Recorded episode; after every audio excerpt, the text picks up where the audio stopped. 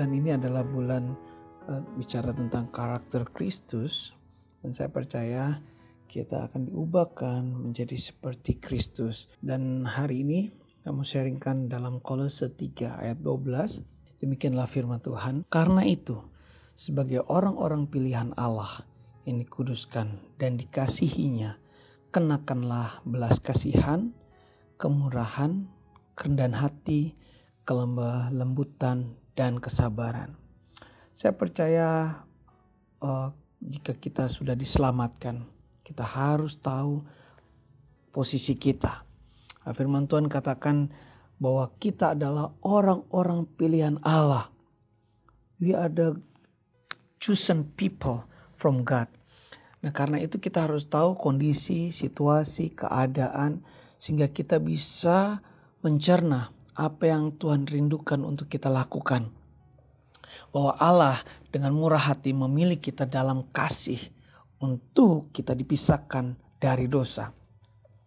Dan saya percaya renungan uh, hari ini bicara bagaimana kita menjadi seperti Kristus, memiliki karakter Kristus. Karena kita tahu bahwa Tuhan sudah katakan bahwa kita dikasihi dan dicintai. Itu menunjukkan bahwa keberadaan kita dalam Kristus adalah orang-orang yang dikasih Tuhan. Karena itu saya mau sharingkan sedikit tentang uh, bagaimana kita menjadi atau bagaimana kita memiliki karakter Kristus.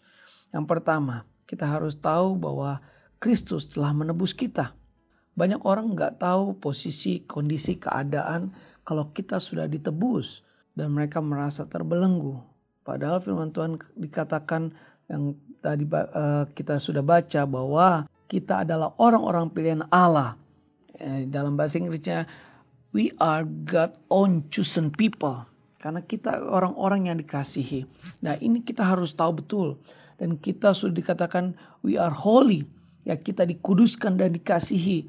Dua kata ini menunjukkan bahwa Allah telah menguduskan kita dan Allah juga telah mengasihi kita dengan kasihnya. Dan kita dikuduskan bukan karena effort kita tetapi karena darah Kristus yang sudah menguduskan kita. Bahkan dalam Roma dikatakan Tuhan sudah menguduskan kita, memanggil kita, mengasihi kita ketika kita masih berdosa. Status yang pertama kita harus tahu bahwa kita adalah orang-orang yang dikasih Tuhan.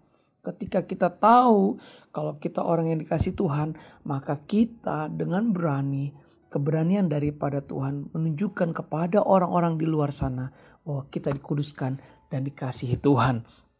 Baru kita bisa mengenakan yang namanya belas kasihan tanpa kita mengerti status kita bahwa kita sudah dikuduskan dan dikasihi oleh Kristus, kita tidak akan bisa mengenakan belas kasihan. Karena Paulus mengatakan kepada jemaat di Kolose dikatakan karena itu.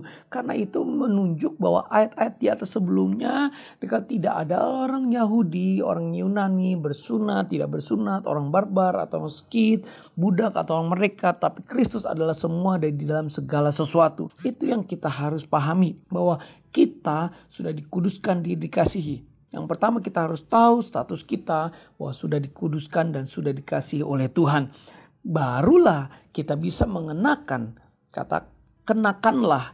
Yang dikatakan di dalam bahasa Inggris cloth atau put on ya dengan belas kasihan. Dan belas kasihan ini juga berasal dari Tuhan sendiri. Karena kita tidak bisa mengeluarkan namanya belas kasihan. Karena belas kasihan itu dari salah satu sifat Tuhan yang kita harus tahu Bagaimana kita bisa tahu bahwa kita harus punya belas kasihan seperti Kristus memiliki belas kasihan terhadap jiwa-jiwa.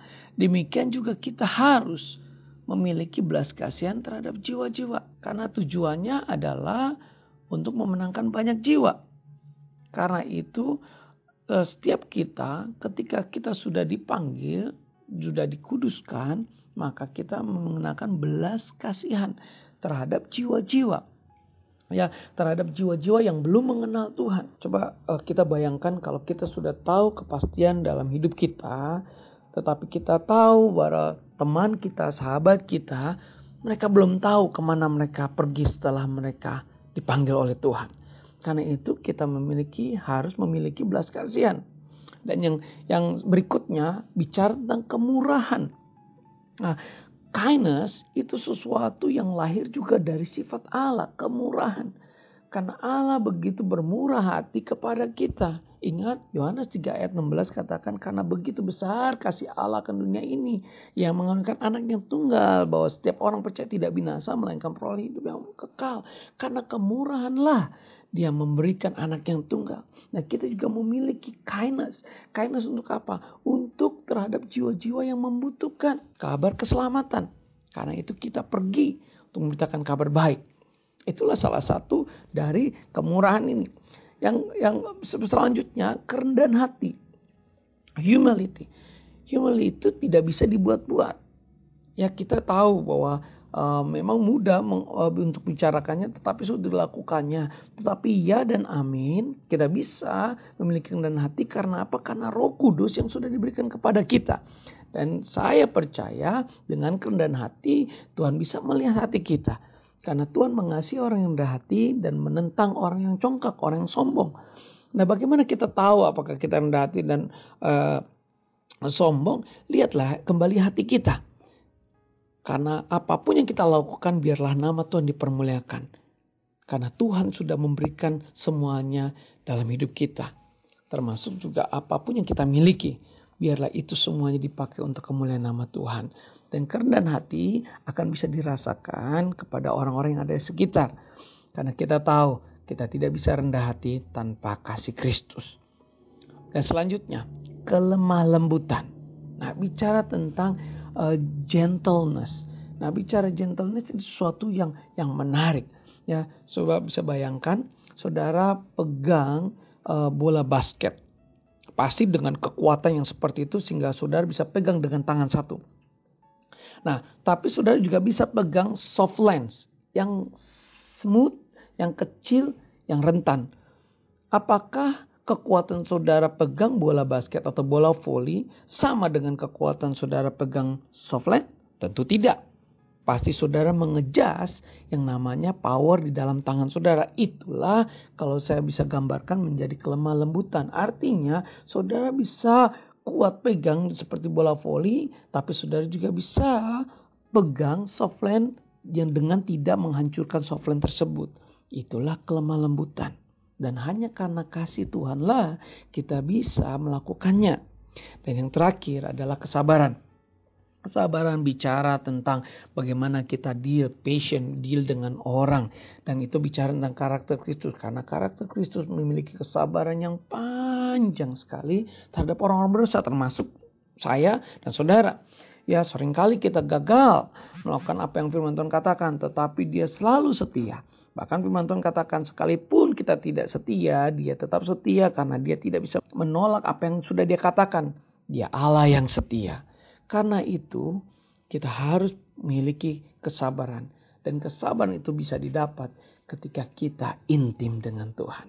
Ingat, status kita sudah dikuduskan dan dikasihi.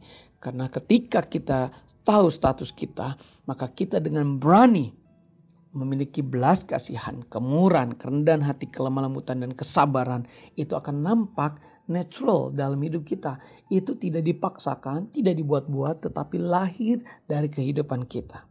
Dan saya mengajak uh, untuk renungan pagi ini, mari kalau so, uh, saudara pendengar mendengar apa yang firman Tuhan katakan, mari minta.